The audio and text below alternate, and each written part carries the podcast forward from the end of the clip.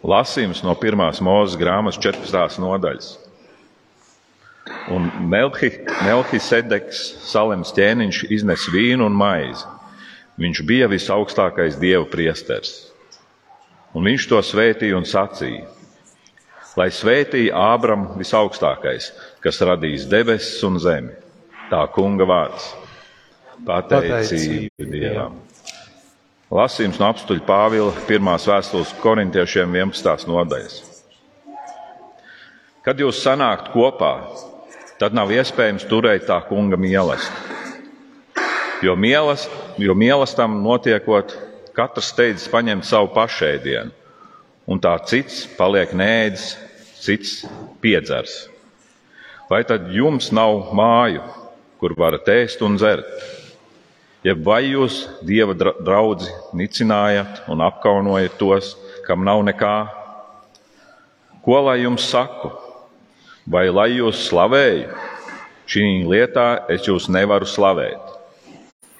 Jo no tā kunga es esmu saņēmis, ko arī jums mācīju, ka tas kungs tanī naktī, kad tas tapa nodots, ņēma maizi, pateicās, pārlauza un sacīja: Ņemiet, ēdiet, tā ir mana miesa, kas par jums top dota. To dariet mani pieminēdami. Tāpat arī biķeri pēc vakarēdienu un sacīja: Šis biķers ir jaunā darība manās asinīs. To dariet, citkārt jūs to dzerat, mani pieminēdami. Citkārt jūs no šīs maizes ēdat, no, no, no šī biķera dzerat, pasludiniet tā kunga nāvi. Tiekāms viņš nāk. Tad, nu, kas necienīgi ēd šo maizi var, vai dzer tā kunga biķeri, tas būs nodziedzies pret tā kunga miesu un asinīm. Bet lai cilvēks pats sevi pārbauda, un tā, lai viņš ēd no šīs maizes un dzer no šī biķera. Jo kas ēd un dzer, tas ēd un dzer sev pašam par sodu, ja viņš nešķir tā kunga miesu. Tā kunga vārds - pateicība Dievam. Mēs klausīsimies evaņģēlīja lasījumu, ko uzrakstīs Svētais Jānis 13. nodaļā. Bija laiks pirms Paskās svētkiem. Jēzus zināja, ka ir pienākusi viņa stunda āriet no šīs pasaules pie tēva. Un savējos, kurus viņš šajā pasaulē bija iemīlējis, viņš mīlēja līdz galam. Mīlesta laikā, kad vēlns jūdam sīmaņa dēlam Iskarjotam jau bija ielicis sirdī nodomu viņu nodot, Jēzus zinādams, ka tēvs viņa rokās bija nodevis visu un ka viņš no dieva ir izgājis un pie dieva aiziet, piecēlās no mīlesta, novilka virsdrēbes un paņēmis linu drānu, to sev apsēja. Pēc tam viņš ielēja ūdeni mazgājumā traukā un sāka mazgāt mācekļiem kājas un slaucīja tās ar linu drānu, ko viņš bija apsējis. Tad viņš pienāca pie Sīmaņa Pētera. Tas viņam sacīja: Kungs, tu mazgāsi man kājas? Jēzus viņam atbildēja: Tu tagad nezini, ko es daru, bet pēc tam sapratīsi. Pēteris viņam sacīja: Nemūžam tu man nemazgāsi kājas. Jēzus atbildēja: Ja es nemazgāšu, tad tev pie manis nav daļas. Sīmanis Pēters viņam sacīja: Kungs, ne tikai manas kājas, bet arī rokas un galvu. Jēzus sacīja: Tam, kas ir jau mazgāts, nevajag vairāk kā vien kājas mazgāt, jo viņš viss ir tīrs. Jūs un jūs esat tīri, bet ne visi. Jēzus zināja, kurš viņu nodos, tādēļ viņš sacīja: Ne visi jūs esat tīri. Kad viņš tiem kājas bija nomazgājis, Viņš atkal apvilka savas virsdrēbes un apsēdies tiem sacīja: Vai jūs saprotat, ko es jums esmu darījis? Jūs mani saucat skolotājs un kungs, un pareizi sakāt, jo es tas esmu, jo, es, jo tas es esmu. Ja nu es, kungs un skolotājs, esmu jums mazgājis kājas, tad pienākas, ka arī jūs cits citam kājas mazgājat. Jo es jums esmu devis priekšzīmi, lai jūs darāt, kā es esmu darījis. Tā kunga evaņģēlīs. Mēs tiešām tevi Kristus slavējam. Un mēs lūdzam, Kungs, ka šo vārdu, ko esam dzirdējuši, apgaismo to mums ar tavu svēto garu, ka tas paliek mūsu sirdīs, ka tas atveras, ka tas uzplaukst, ka tas nes bagātīgus augus. Svētī tavu vārdu tavā patiesībā, jo tavi vārdi ir patiesība. Āmen. Lūdzu, sēdiet! Šīs zaļās ceturtdienas notikumi iezīmē un parāda Jēzus Kristus evaņģēlija kodolu un dziļāko būtību. Vēl vairāk mums tiek dots ar šo zaļo ceturtdienu, tiek dots un iezīmēts sakraments, ka mēs šo evaņģēliju sevi uzņemam fiziski, sevi uzņemam fiziski svētajā vakarēdienā. Ka evaņģēlijs, ka tas sāk starot no mums, ka mums ir spē, spēja izdzīvot šo evaņģēliju un nodot to arī citiem, tiem, kas to nespēj saredzēt, kas to nesaprot, ka arī tie var sākt ticēt un nākt un uzņemt sevī to svētajā vakarēdienā. Ko es ar to domāju? Īstenot evaņģēliju spēj vien pats Dievs un tie, kam viņš to dod. Tie, kuri vēlas Dievā izdzīvot evaņģēliju. Bez Dieva nav evaņģēlija, tas izzūd bez pēdām. Jo Dievs ir mīlestības, labestības, taisnīguma, žēlastības un citu Dieva īpašību avots. Bez Dieva mūsos šīs lietas izsīkst. Jāņa evanģēlijā 15. nodaļā Jēzus saka, ka viņš ir patiesais vīna koks, bet mēs tie zari. Ja zari atdalās no vīna koka, tad agri vai vēlu tie sakalst un tie ir beigti. Tādēļ Jēzus arī saka, bez manis jūs nenieka nespēja darīt. Ja mēs skatāmies varbūt tā vēl globālāk, Dieva eņģelis Lucifers atdalījās no dieva, domādams, ka spēs būt kā dievs. Viņš domāja veidot savu valstību paralēli dieva valstībai. Un, ja mēs šo konceptu tā apdomājam un iedziļināmies, mēs saprotam, ka šis Lucifers bija apveltīts ar lielu spēku, gudrību un skaistumu. Un viņa aprēķini rādīja, ka viņš to spēs. Un acīm redzot, viņš neņēma vērā šos Jēzus vārdus, Jēzus teikto, kas notiek ar zaru, kas no šī vīna koka atdalās. Tam izdevās izveidot kaut ko no tā, ko viņš bija plānojis. Bet tas, ko tas izveidoja, ir ļoti tālu no dieva valstības. es domāju, ka Lucifers gribēja izveidot tādu kopiju dieva valstībai. Uh, ja mēs skatāmies uz vēlnu darbiem, tie vēl joprojām kopē. Viņi neko neizdomā jaunu, viņi kopē visu to, ko Dievs ir radījis. Un ar Luciferu notiek tieši tas, ko Jēzus saka. Lucifers atdalījās no Dieva, tam zuda dzīvības avots. Ja mēs domājam par šo vārdu Lucifers, tas nozīmē gaismas eņģelis un tālāk tas kļūst saceļoties pret Dievu par sātanu, kas ir Dieva pretinieks.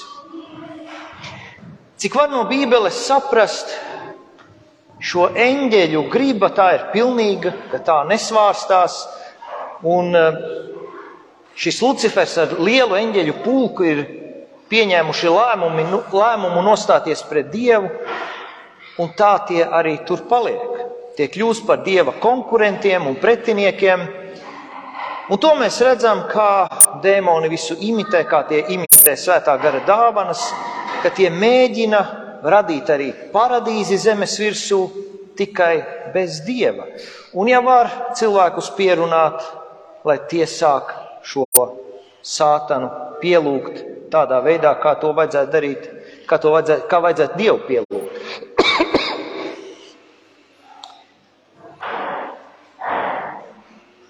bet arī cilvēkus paši dēmoni uztver par pretiniekiem.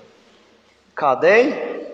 Kādreiz varbūt cilvēkiem ir tāds maldīgs priekšstats, ka ja tie ies līdzi sātanam un viņa darbiem, tad viņi būs viens no savējiem, bet nē. Mēs tiekam uztvērti no dēmoniem kā pretinieki, jo mēs nesam dieva tēlu un līdzību sevi. Un pat ja kāds sadarbojās ar šiem tumsas spēkiem, beigu beigās tie tiek iznīcināti. Tie dara to, ko par tiem saka Jēzus, ka tie nāk zakt, nokaut un nomaitāt. Ja mēs paši šo dieva tēlu un līdzību sevī nepamanām, ja mēs neieraugām šo dieva godību citos un sevi un arī nesajūsmināmies par to, tad dēmoni to ļoti labi redz un tie to necieš. Es kādos brīžos esmu piedzīvojis to, ka domājot par dievu tēlu un līdzību, ka tad, kad ienāk telpā kāds vīrietis vai sieviete, it sevišķi labākajos gados, ar tādu briedumu, autoritāti, tur ir šī dzirksts. Tur mēs varam ieraudzīt, ka cilvēks nes sev līdzi šo dieva godību. To ir jāmēģina ieraudzīt, un to var redzēt. Bieži pasaulē cilvēks tiek pārlieku nonicināts. Arī mēs paši sevi ļoti daudz nonicinām. Mums ir, mums ir jāatcerās, kā līdzību mēs sevī nesam. Un šādi mums radīsies bijība pret citiem cilvēkiem, jo tie nes dievu tēlu un līdzību, un mums radīsies arī bijība, kas ir tā ļoti īpatnēji izjūtama arī pašiem pret sevi. Jūs redzat, cilvēks skatās spogulī, paskatoties spogulī, ieraugot dieva tēlu un līdzību, mums radīsies arī bijība pašiem pret sevi. Pavērosim sevi un citus no šāda skatu punkta Mēs piedzīvosim bību pret katru cilvēku, saprotot, ka tas nevī, nes sevī dieva tēlu un līdzību. Kādēļ vēlniem neizdodas radīt šo paradīzi zemes virsū? Kaut vai, ja mēs atceramies neseno komunistisko ideoloģiju, ko tā ir mēģinājusi iedvest cilvēkiem, daudzi cilvēki ticēja šai ideoloģijai kā reliģijai. Un tā vēstīja to, ka ja mēs ciešamies, ja mēs smagi strādājam, ja mēs sekojam komunistiskajam ideālam, ka mēs to darām, lai mūsu bērni dzīvotu paradīzē. Beig beigās tas secinājums tāds bija. Tika izmantotas mūsu alkas, ko Dievs mūsos ir ielicis pēc debesu valstības un sadraudzības ar Dievu. Šī ideoloģija rādīja to, ka tas notiks. Ja mēs atmetīsim visu pārdabisko, ko dod Dievs, ja mēs atmetīsim ticību Dievam, ja mēs paši balstīsimies uz saviem spēkiem, daudz strādāsim, būsim pašaizliedzīgi, mēs to sasniegsim. Un daudzi cilvēki tam ticēja, ka mēs paši varam un mums Dieva nevajag. Šis ir tāds komunisma dēmons, no kā vēl daudzi cilvēki šodien netiek vaļā. Savukārt, ja mēs skatāmies uz demokrātiju un kapitālismu, uz tā uzplaukumu, tas ir tik ilgi, cik tālu šīs iekārtas patur, integrē sabiedrībā bibliskos principus un godā Dievu. Līdz ko tas izzūd, šīs valstis, šīs uh, iekārtas kļūst kā zars, kas tiek atdalīts no īstenā vīna koka un lēnām nokalts. Šāds zars ir arī mūsu rietumu civilizācija, kas straujos tempos sāk nokalst. Mēs zinām, ja zaru norāja, viņš uzreiz nekļūst nokaltis. Viņš lēnām, kamēr šī dzīvības sula no tā zara izskalst ārā. Kas ir šis evaņģēlīja princips, kas atšķir dieva valstību no vēlna valdīšanas? Jēzus šo principu atklāja pašā pēdējā brīdī, tie, pirms viņš tiek apcietināts un krustā sists šajā zaļajā ceturtdienā. viņš mazgā mācekļiem kājas. Un šī nav viena kāju mazgāšana, bet tajā atklājas šis dziļais evaņģēlīja princips, ko Jēzus dod katram kristietim. Jēzus arī agrāk runāja par to, ka tas, kas grib būt pirmais, kas grib būt liels, tas lai ir visu pārējo kalps. Vai šī pasaule to spēja kaut kādā savā sistēmā ielikt? Ka visu varenais Dievs, kas ir radījis debesis un zemi, mazgā grēciniekam kājas. Pasaulē, kurai nav kristīgas vērtības, tā šķiet ļoti liela muļķība. Jēzus nevien tehniski nomazgā mācekļiem kājas, bet viņš to dara, jo viņš mīl. Tas, ko šeit Jēzus dara, viņš īstenībā apgriež pasaules konkurences, dominances, hierarhijas ar kājām gaisā. Mums šī doma, kādam mazgāt kājas, tā mums nemaz nav tik sveša, jo mums ir kristīgas saknes. Mēs par to kaut kur varam saprast. Un šis princips Eiropā ir gadsimtiem sludināts. Es jau kādreiz esmu pieminējis, ka es esmu strādājis Anglijā, Markā un Spencerā. Tā ir uh, liela, tāda automatizēta noliktava. Tur strādā vairāk kā tūkstoš cilvēku, uz Ziemassvētkiem pat visi trīs tūkstoši. Un 25. decembrī Anglijiem ir īpaši tāds, um, viņi sauc to par Ziemassvētku pusdienām. Viņam tā ir tāda dziļa tradīcija. Un tajā uzņēmumā bija mm, sarīkots tāds pa laikiem. Mēs tur pierakstījāmies, kurā laikā mēs gribam iet uz, šiem, uz, šo, uz šiem Ziemassvētku pusdienām. Un tad bija tā, ka vienkāršie strādnieki tika sasēdināti pie lieliem galdiem, un lielie bosi, priekšnieki, biroju darbinieki Viņi visi uzvilka priekšautus un apkalpoja šos darbiniekus. Un tas tiešām bija ļoti aizkustinoši, ka, nu, ka šie lielie augstmaņi apkalpoja, tur sēdēja pie šiem gal, gariem galdiem čehu čigāni, sīrieši, man sēdēja blakus viens kolēģis no Ganas, nu, ļoti, ļoti dažādi cilvēki. Uh, un tas bija ļoti aizkustinoši saprotot, no kā tas nāk, no kā šī tradīcija ir cēlusies un kāpēc viņi to dara. Starp šiem kalpotājiem, apkalpotājiem, kas mūs apkalpoja, no šiem bosiem bija arī mans priekšnieks. Un es viņam piegāju klāt, un es viņam jautāju, vai tu zini, kādēļ šādi notiek? Kādēļ šī tradīcija tāda ir? Viņš teica, ka viņš zina gan.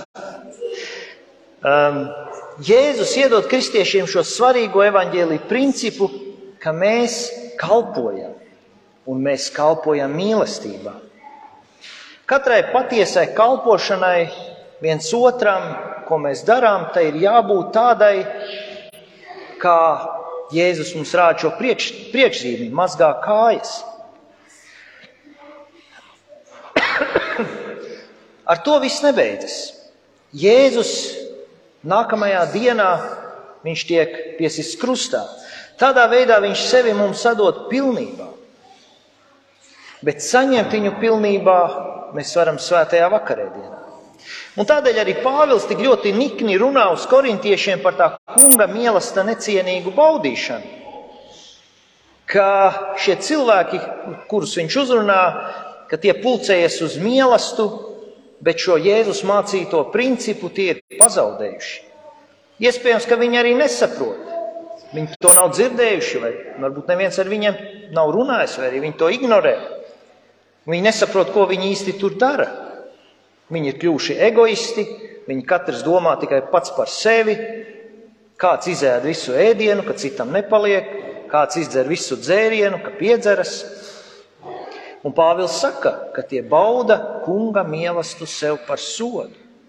Tāpēc, ka ir izzudis šis Jēzus princips, ko viņš rāda mācekļiem pirms, um, pirms tas notiek. Pāvils atklāja, ka tā ir lielāka, lielākā problēma, ka tie neizšķir tā kunga mīlestību. Tie ir pazaudējuši cieņu un mīlestību viens pret otru.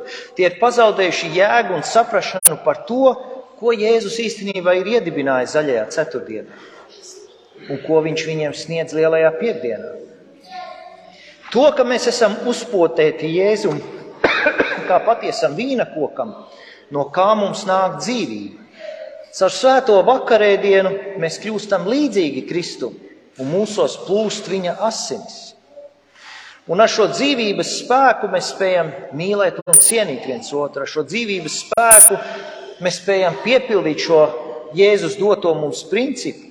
Mēs spējam nākt mīlestībā un sadraudzībā, saņemt Jēzu pilnībā mūsos, ka Jēzus mūsos parādās, ka Viņš parādās mūsu darbos, mūsu attieksmē, ka Viņa tēls un līdzība arvien vairāk no mums sāk starot, kā arī Viņa godība.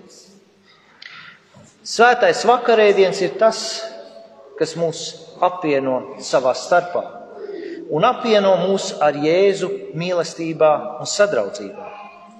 Meklēsim šo sadraudzību un mīlestību ikdienas, un būsim vienoti ar viņu, un būsim vienoti viens ar otru svētajā vakarēdienā. Lai Dievs uz to mūs svētī. Āmen!